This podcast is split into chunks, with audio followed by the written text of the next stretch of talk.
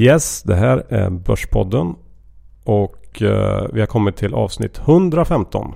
Med Johan Isaksson. Mannen som var förkyld från och med oktober till och med februari. Välkommen hit. Tack, tack. Och John Skogman. Mannen som alltid var täppt i näsan. Ja. Så Johan, vi har ett helt härligt avsnitt eh, framför oss. Det kommer vara såklart Fingerprint, det kommer vara småbolag, det kommer vara att vi går igenom kanske börsens absolut sämsta bolag just nu som kommer få en jättestark säljrek. Men det kommer även vara andra godbitar. Det kommer det vara. Innan vi kör igång så ska vi såklart nämna några ord om våra sponsorer. Först ut DeGiro John. Ja, DeGiro, vår härliga huvudsponsor som tar marknadsandel efter marknadsandel. Och den här veckan vill de meddela att eh, de erbjuder den nya DAX miniterminen som eh, alla vill köra. Och eh, ja, jag tycker ni ska göra som vi och öppna ett konto så du kan handla på den tyska marknaden som är ännu vildare än den svenska. Digiro.se Precis. Sen har jag i vanlig ordning pratat med våra vänner på tessin.se. Den här veckan har jag frågat kring risknivån på investeringarna hos Tessin. Det skiljer sig ju en del på risknivå beroende på vilken typ av fastighetsprojekt man tittar på. Och hur är det på Tessin? Finns det bara högriskprojekt där? Vad tror du John? Jag tror inte det faktiskt. Nej, vi får se här vad svaret blir. Ja, men målet är att man ska kunna bygga en diversifierad fastighetsportfölj via Tessin. Eh, man ska kunna hitta nyproduktioner, befintliga hyresbestånd med kassaflöden, industrilokaler etc. Eh, man ska kunna hitta investeringar med olika risknivåer som olika löplängd och är olika konjunkturkänsliga. Ja, de har ju svar på tal på allt. Ja, du hade rätt där John. Kul. Innan vi kör igång så ska vi bara be alla som gillar Börspodden att rösta på oss i det här eh, stora poddpriset. Hade ju varit kul att få en röst där. Ja, verkligen. Bara vi kommer före Sparpodden är jag nöjd trots deras eh, 900 datorröstning från Alvik. Ja, vi får se om vi lyckas klå dem. Och missa inte den här månadens bokklubb som kommer att skickas ut imorgon torsdag. Ja, signa upp er på hemsidan. Avanzamannen är månadens gäst. Det är mycket läsning för Liten peng. så kan man säga. Nu kör vi!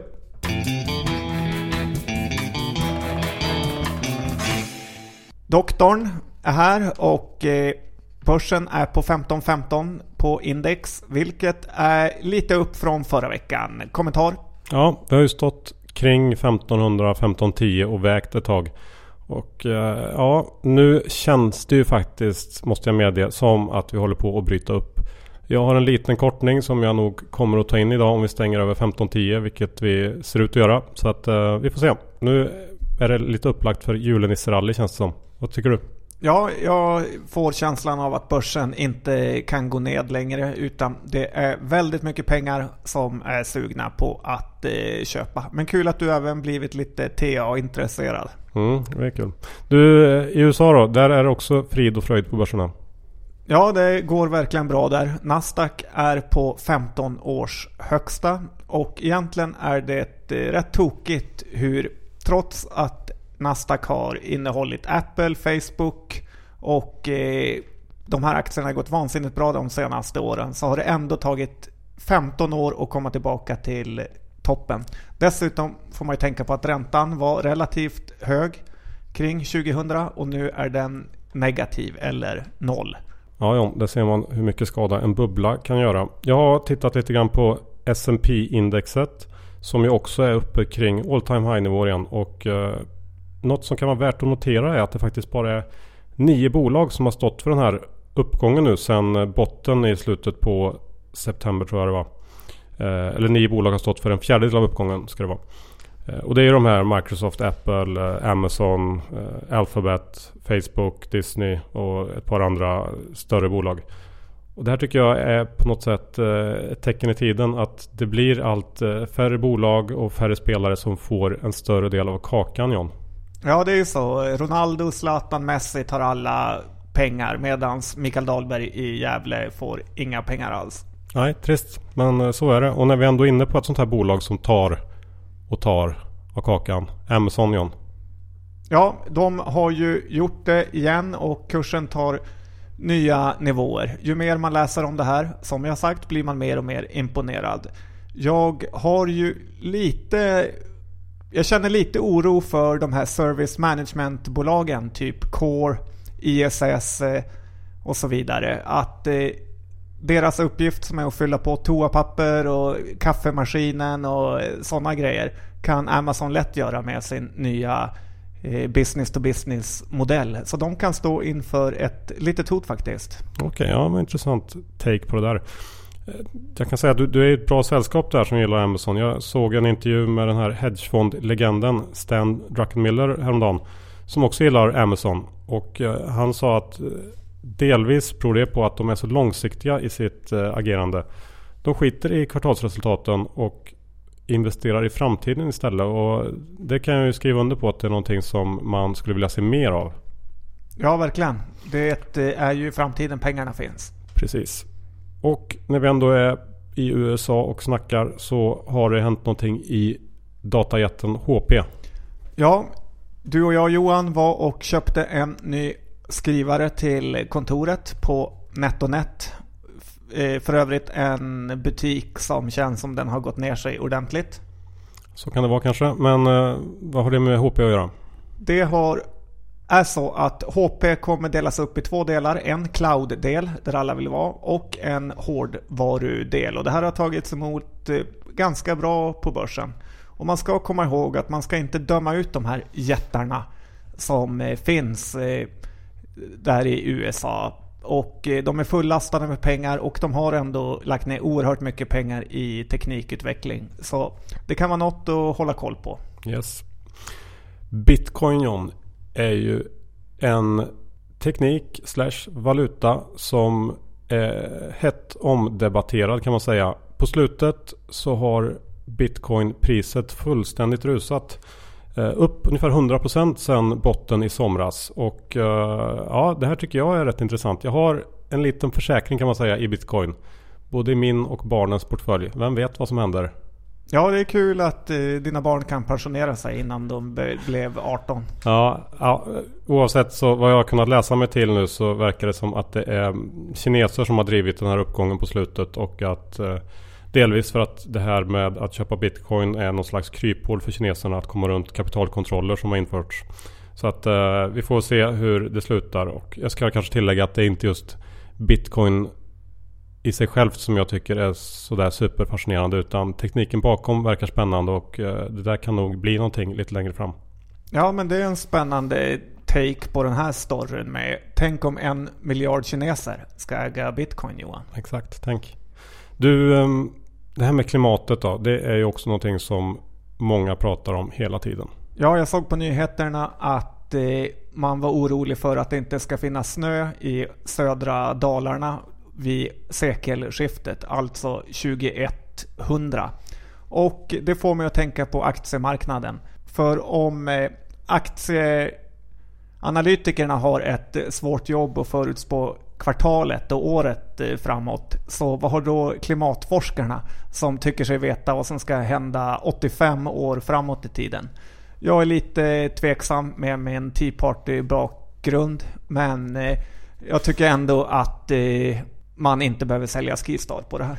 Nej, det kanske känns lite överilat. En som inte gör någonting överilat det är ju den gode Lundberg. Ja, Fredrik Lundberg och eh, Holmen sponsrar Norrköping. Så det är ju bara att gratulera. Däremot blir jag lite besviken när jag läser att det är bara en miljon kronor han chippar in. Och jag tycker att vi skulle ha lite mer Roman Abramovic-känsla här i Sverige. Framförallt igår efter Malmö blev fullständigt eh, förnedrad av Shakhtar i Kiev. Kanske någon av de nya IT-miljardärerna kan bidra till det. Ja, jag hoppas det. Ja. Sen så får vi också gå tillbaks till inslaget vi hade för några veckor sedan där vi pratade om The John Skogman Topp. Vilket syftade på att toppen var kommen i marknaden eller bostadspriserna här i Stockholm framförallt. Vad har du att säga John? Ja, det känns som att den inte riktigt har infriats eh, ännu. Och eh, Jag var och kikade på ett hus här i helgen och för det första så kom jag knappt in i huset för det var så enormt eh, mycket folk. Och sen kommer första budet i telefonen så är det en miljon över utgångspriset. Så John Skogman Topp känns eh, lite långt härifrån. Men köp en pool så är du framtidssäkrad. Ja, med en pool så kan man aldrig gå fel John. Hur, hur hittade du det här huset då? Var det ett sånt här, eh, en sån här Facebook-kompisdelning eller? Nej, det var verkligen inte det Johan och det är skönt. Du vet att jag får fullständigt krupp när jag ser någon lägga ut sin bostad på Facebook och skriver kom och köp. Ja, ja det är lite speciellt. Skulle du kunna göra något sånt? Prata inte om det Johan, jag får rysningar. För du har väl gjort det eller? Next. Det har hänt grejer i Interim Justitia. Ja, den legendariske VDn Lars Wollung fick kicken. Helt oväntat. Aktien tappade rätt mycket. Jag tjänade mig en liten hacka men någon på Nordnet tjänade mycket mer.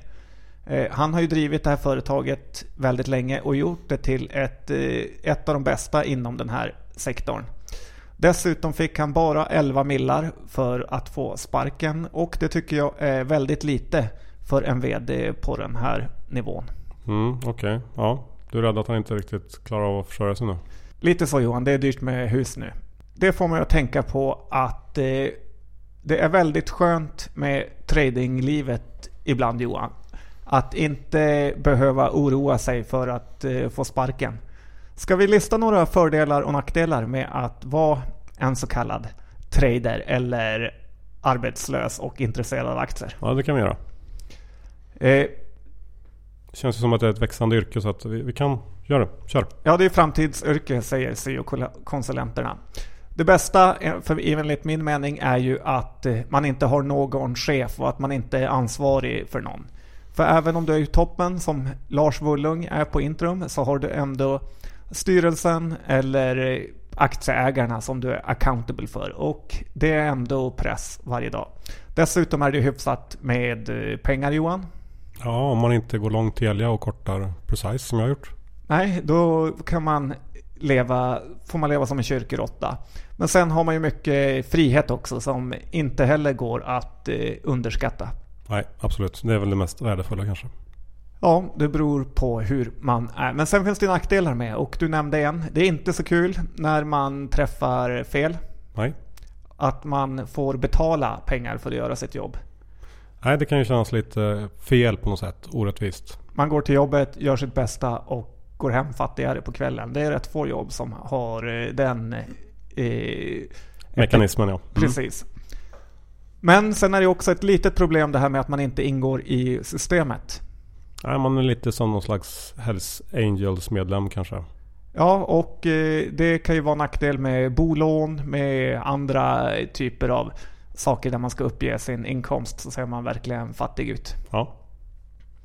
Och sen vet jag inte om det är nackdel eller fördel, men daytrading-gruppen är ju en otroligt homogen grupp. Men mellan 25 och 45 eh, bast i princip bara. Ja. Sen dör man av hjärtinfarkt.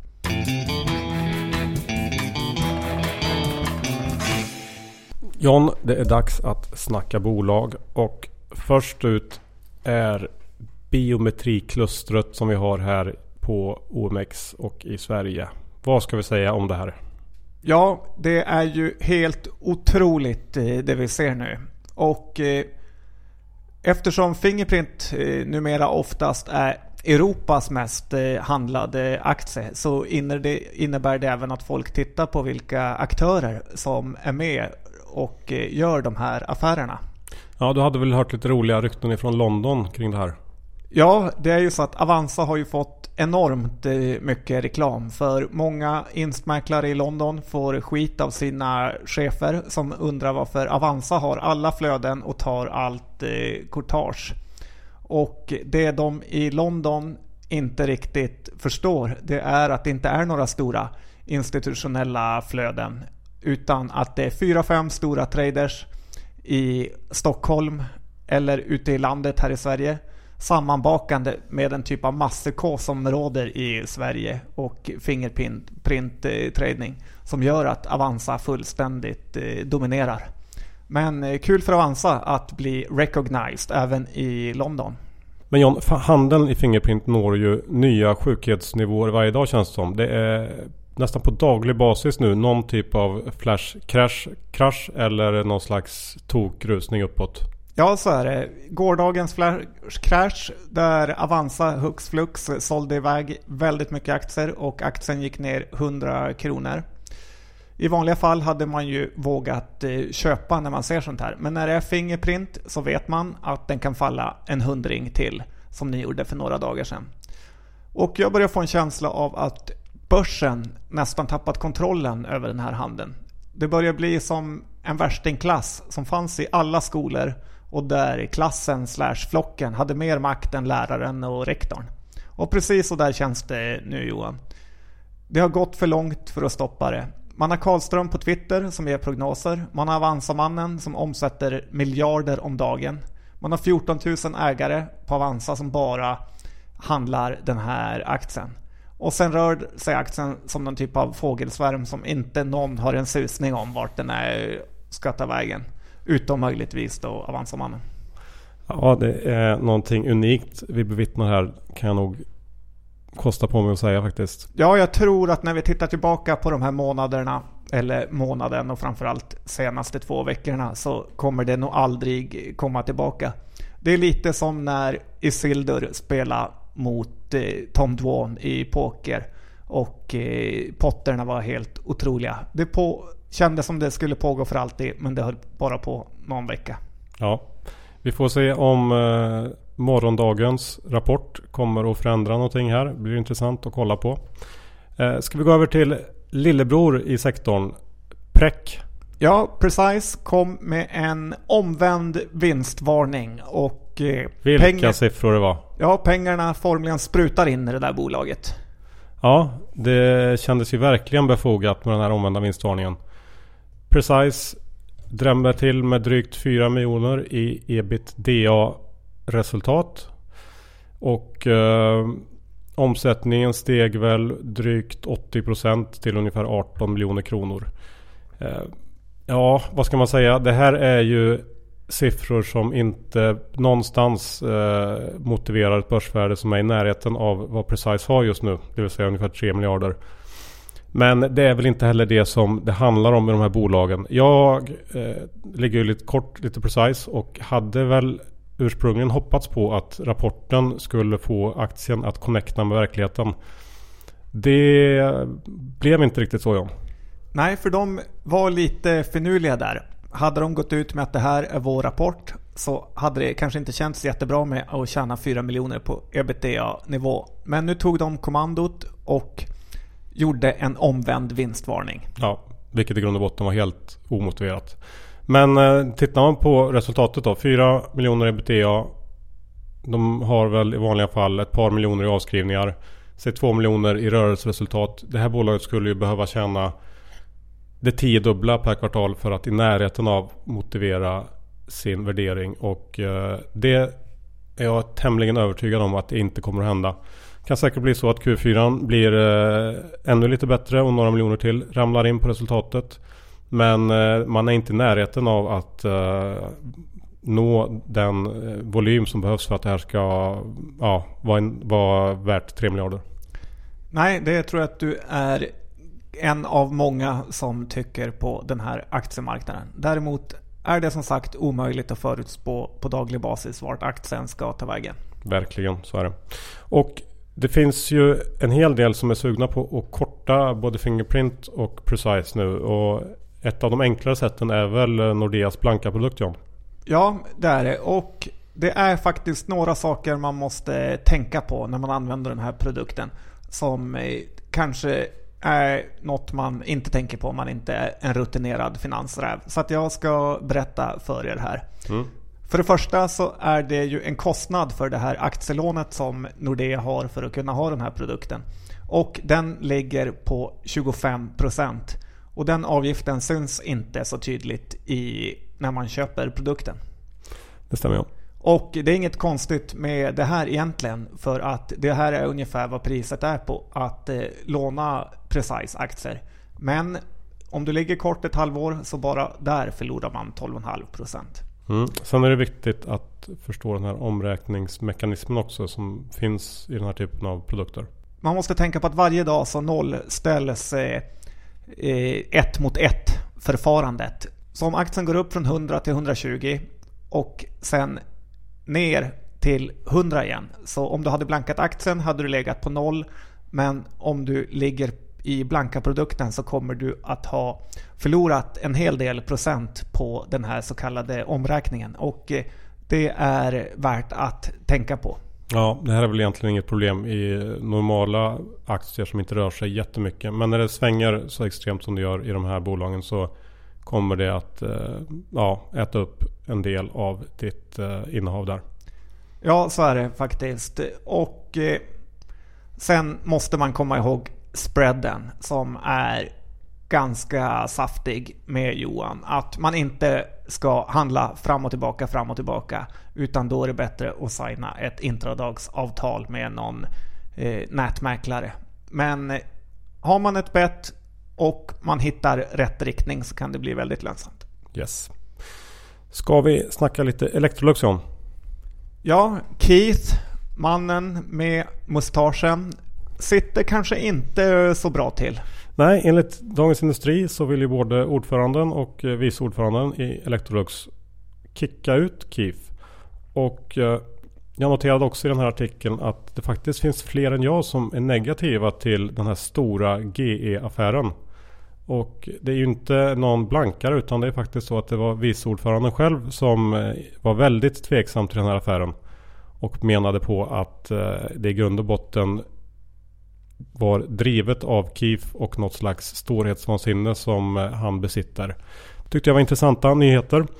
Eh, känns ju minst sagt svajigt att ha en VD som styrelsen vill ha bort och som dessutom drivs av lite andra saker än eh, affärsmässig logik när man gör enorma affärer.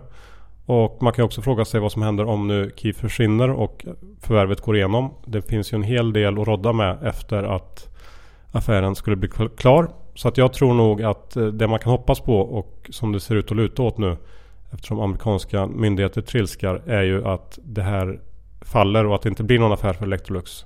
Även om det kortsiktigt skulle vara dåligt för aktien så tror jag att eh, det vore rätt skönt för aktieägarna i längden. Ja, förvärvshärvor har vi sett eh, gott om. Ja, verkligen. Sen Johan, har ju du fått en del kritik av Peter Bensin.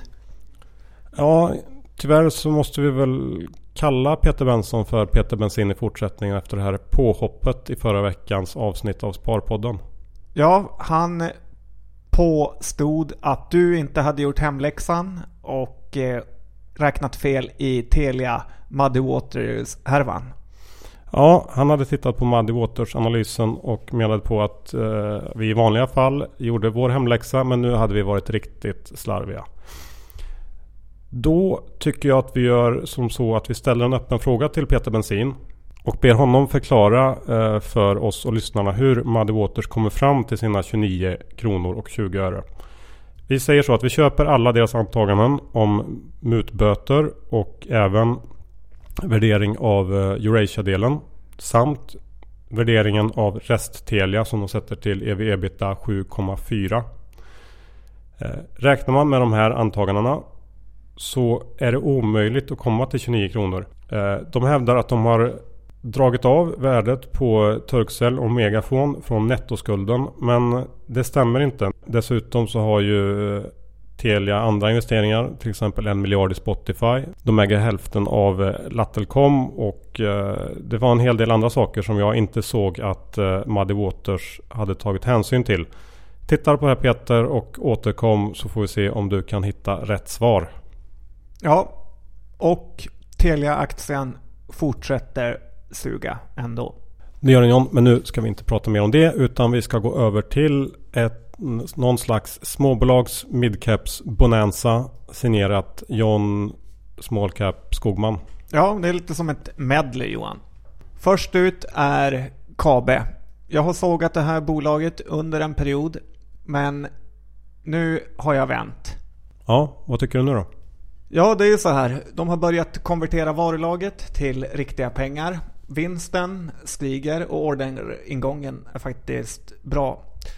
Husvagn och husbil kommer finnas forever och eh, förmodligen KAB med. Dessutom har de fått igång sin försäljning av så kallade krimskramsgrejer runt om. Bolaget är också smäckfyllt med pengar. På ett bolagsvärde på ungefär en miljard får man 150 miljoner kassa, 400 miljoner kundfordringar och 350 miljoner i varulager. Detta mot en skuld på eh, 300 50 miljoner, både lång och kort. Så nästan en halv miljard i cash får man. Samt som man får ett bolag som tjänar ganska bra med pengar. Jag vänder till köp och har köpt själv. Där ser man. Ja, man ska inte vara sämre att man kan ändra sig. Doro då, ett bolag som vi har sagt att vi gillat kom med rapport i morse. Ja, det vill sig inte riktigt för det här bolaget kan jag tycka. Det, telefoner och larm för äldre är en bra idé. Men vart tar pengarna vägen? Vart tar vinsten vägen? Jag blir besviken varje gång på deras resultat. Och man hoppas att det ska bli bättre i nästa kvartal. Jag hade en liten späck på rapporten och eh, som tur var kom jag ur den här för att marknaden verkar inte vara lika orolig eh, som jag. Man får också komma ihåg att aktien har gått upp en hel del inför den här rapporten. Så jag tycker att det finns lite fallhöjd faktiskt. Det är ingen katastrof och som sagt nästa kvartal ska se bättre ut. Men jag eh, tycker att man ska vara lite försiktigare på den här nivån än kring 40. Ja, men jag håller helt med. Om de skulle misslyckas i Q4 så då kan hela det här huset eh, raseras. Ett bolag som du har trott ska raseras men som bara fortsätter leverera är Itab. Ja, det här bolaget är ju helt otroligt. Här är det lite tvärtom mot Doro. Man undrar vart vinsten kommer ifrån. Det är ingen supermarknad där ute för butiksinredningar eller lampor. Och man blir imponerad hur de lyckas och växa så mycket och tjäna så mycket pengar. Dessutom så vill jag grina lite grann när jag tänkte på att under 2012 ägde jag ungefär 30 000 ITAB-aktier och eh, sålde dem med några tusen kronors vinst när det hade kunnat varit i den sjusiffriga nivån istället. Mm, sånt kan hända även den bästa. Hoist då? Ja, det här är det bortglömda kreditbolaget. Nordax, det är känt för hur hårt det floppat. Collector är för att Erik Selin gör allt rätt. Och Intrum är klassikern. Hoist är bortglömt. Och jag tycker att det här är en lite bortglömd eh, klimp. Jag tror faktiskt att Hoist kan vara det bästa valet i den här sektorn just nu. Ja, eh, jag har ingen åsikt där så det kan säkert stämma. Ska vi gå över till eh, matbranschen? Det är ju mycket snack om att rött kött är farligt nu. Ja, verkligen. Och eh, jag har tagit en liten rapportspek i Scandi Standard. De tre senaste middagarna jag varit på har jag blivit bjuden på kyckling. Dessutom det här snacket du nämnde med cancer för rött kött är ju lite omvänd Friggs riskake arsenik grej åt det positiva hållet för kronfågel. Det här kanske kan bli något och eh, jag har chansat lite. Ja, intressant. Men Johan, nu börjar det kännas lite som att jag är utsänd av eh, Viktor Henriksson på Carnegie småbolagsfond för att snacka upp hans case. Men jag blir förvånad varje gång över hur rätt ute han är. Varje gång jag träffar honom brukar jag säga taskiga saker om hans fond. Typ, när Hoist blir av med tillståndet är du inte så kaxig. Eller, fågelinfluensan kommer krossa din fond. Eller, nu har Itab gjort sitt. Nu finns det bara nedsida. Han brukar oftast bara skratta åt mig och säga Jag tror du har fel John. Ja, det tror jag med. Sen har vi ju två bolag inom MÄT instrumentsektorn här i Sverige. Bull och Biotage. Båda bolagen kom med hyfsade rapporter och eh, jag gillar nog Biotage bäst av de här. Båda är ganska stabila kassafyllda bolag och eh, det kan vara något att ha om man är intresserad av den här branschen. Ta en titt. Mm. Sen fick vi också en eh, hyfsat glädjande rapport från en av de mindre kontraktstillverkarna på börsen, Hansa. Ja, jag hoppas att någon tog rygg på mig på det här bettet. Eh, aktien har gått eh, riktigt fint, men det kan vara dags att kliva av nu. Det blir lite så att om man bygger en prognos på Hansa Holding så hoppas man att det ska bli ett P-tal under 10. Och eh, det låter ju bra, men då får man tänka på att de har ganska stor skuldsättning också. Och istället för att köpa något man hoppas blir bra så kan man nästan köpa noter istället som redan värderas där samt har väldigt liten skuldsättning i jämförelse. Det är lite som på bostadsmarknaden Johan, att ibland får man ett högre pris för ett renoveringsobjekt för att man kan sälja drömmar om du, hur det ska se ut. Medan ett hyggligt objekt eh, bara känns tråkigt och därför säljs för mindre pengar. Ja, men det är en lite intressant liknelse. Nu finns det bara en punkt på agendan kvar idag Jan. Och vi har kommit till sämst på börsen just nu. Ja Johan, det här bolaget vill jag utfärda min största säljrekommendation man bara kan. Oj då. Ja. Och bolaget heter MyFC. Det här är ett bolag som ska sälja mobilladdare i form av bränsleceller. De har redan haft en produkt ute till försäljning som heter PowerTrek som man i alla hänseenden måste räkna som en jätteflopp. Okej, och hur, hur såg den ut? Ja, den var en väldigt smidig mobilladdare att man bara behövde fylla på salt, lite vatten och sen kunde man ladda telefonen. Lite som att ha en ångmaskin för att ladda din mobiltelefon. Perfekt för den stressade affärsmannen på flygplatsen. Ja, exakt. Men nu står allt hopp till deras nya produkt som heter Jack. Och bolaget har slått på stora trumman och säger att det här kommer bli något riktigt stort. Man kan till och med förhandsboka en mobilladdare på deras hemsida. Men jag tycker jag sett, har de inte haft lite framgångar med något designpris eller hur var det? Ja, Jack har vunnit eh, något som kallas German Design Award. Som bolag, enligt bolaget är något helt fantastiskt och något slags erkännande för vilken fin design man har.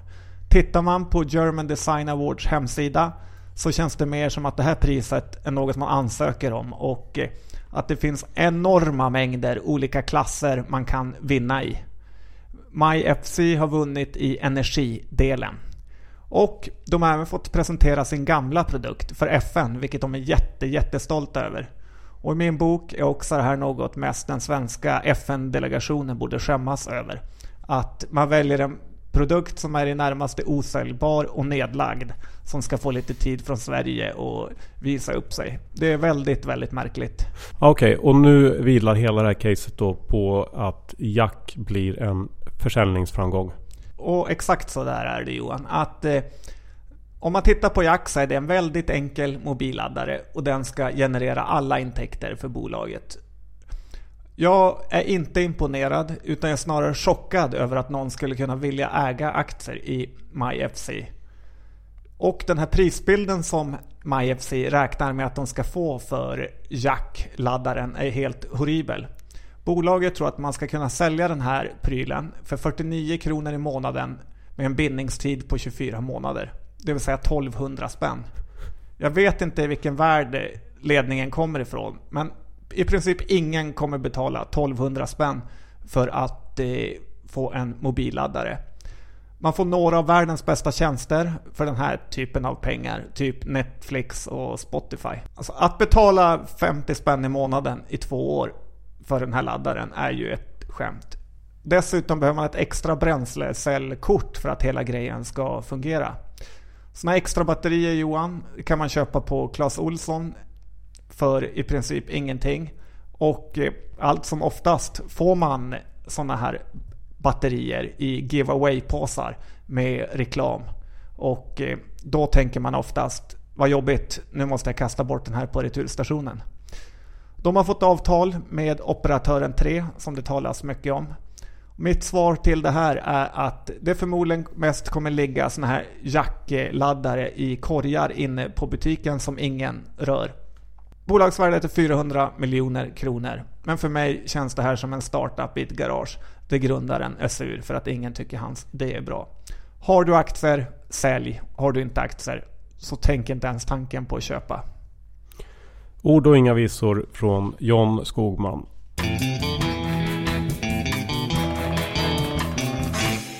Veckans avsnitt avslutat. Nummer 115 och eh, innan vi säger hej då på riktigt ska vi tacka DeGiro, vår sponsor, för att ni står upp för oss och hjälper oss i vått och torrt. Ja, och alla småsparare som sparar in courtagepengar. Öppna ett konto genast. Ja. Vi ska även tacka Tessin.se Crowdfunding för fastigheter på nätet. Surfa in på deras hemsida och eh, anmäl er till nyhetsbrevet så kan ni kika på deras projekt. Det finns alltid något intressant att investera i. I övrigt så ska vi säga att bokklubben för november kommer ut här i veckan och eh, kika in på det. Vi ska... 1600 medlemmar. Ja, härligt. Rösta gärna på oss på det här poddpriset om ni gillar oss. Och avslutningsvis John, ska vi se vad vi har för innehav bland bolagen vi har pratat om. Jag har ju Telia eh, och jag är kort Precise. I övrigt så har jag nog inget av de bolagen vi har pratat om. Hur är det med dig John? Ja, som vanligt har jag lastat på betydligt mer aktier än dig. Jag har köpt Kabe. Jag har köpt Scandi Standard. Jag har köpt Hoist. Och jag har sålt mina Doro kan jag väl tillägga. Och Itab sålde jag för tre år sedan och grinar fortfarande. Och eh, jag kan lägga till att jag inte är kort MyFC, även om jag hemskt gärna skulle vilja. Bra John. Det var allt vi hade den här veckan. Tack så hemskt mycket för att ni lyssnade. Ha det fint så hörs vi om en vecka igen. Tack och hej.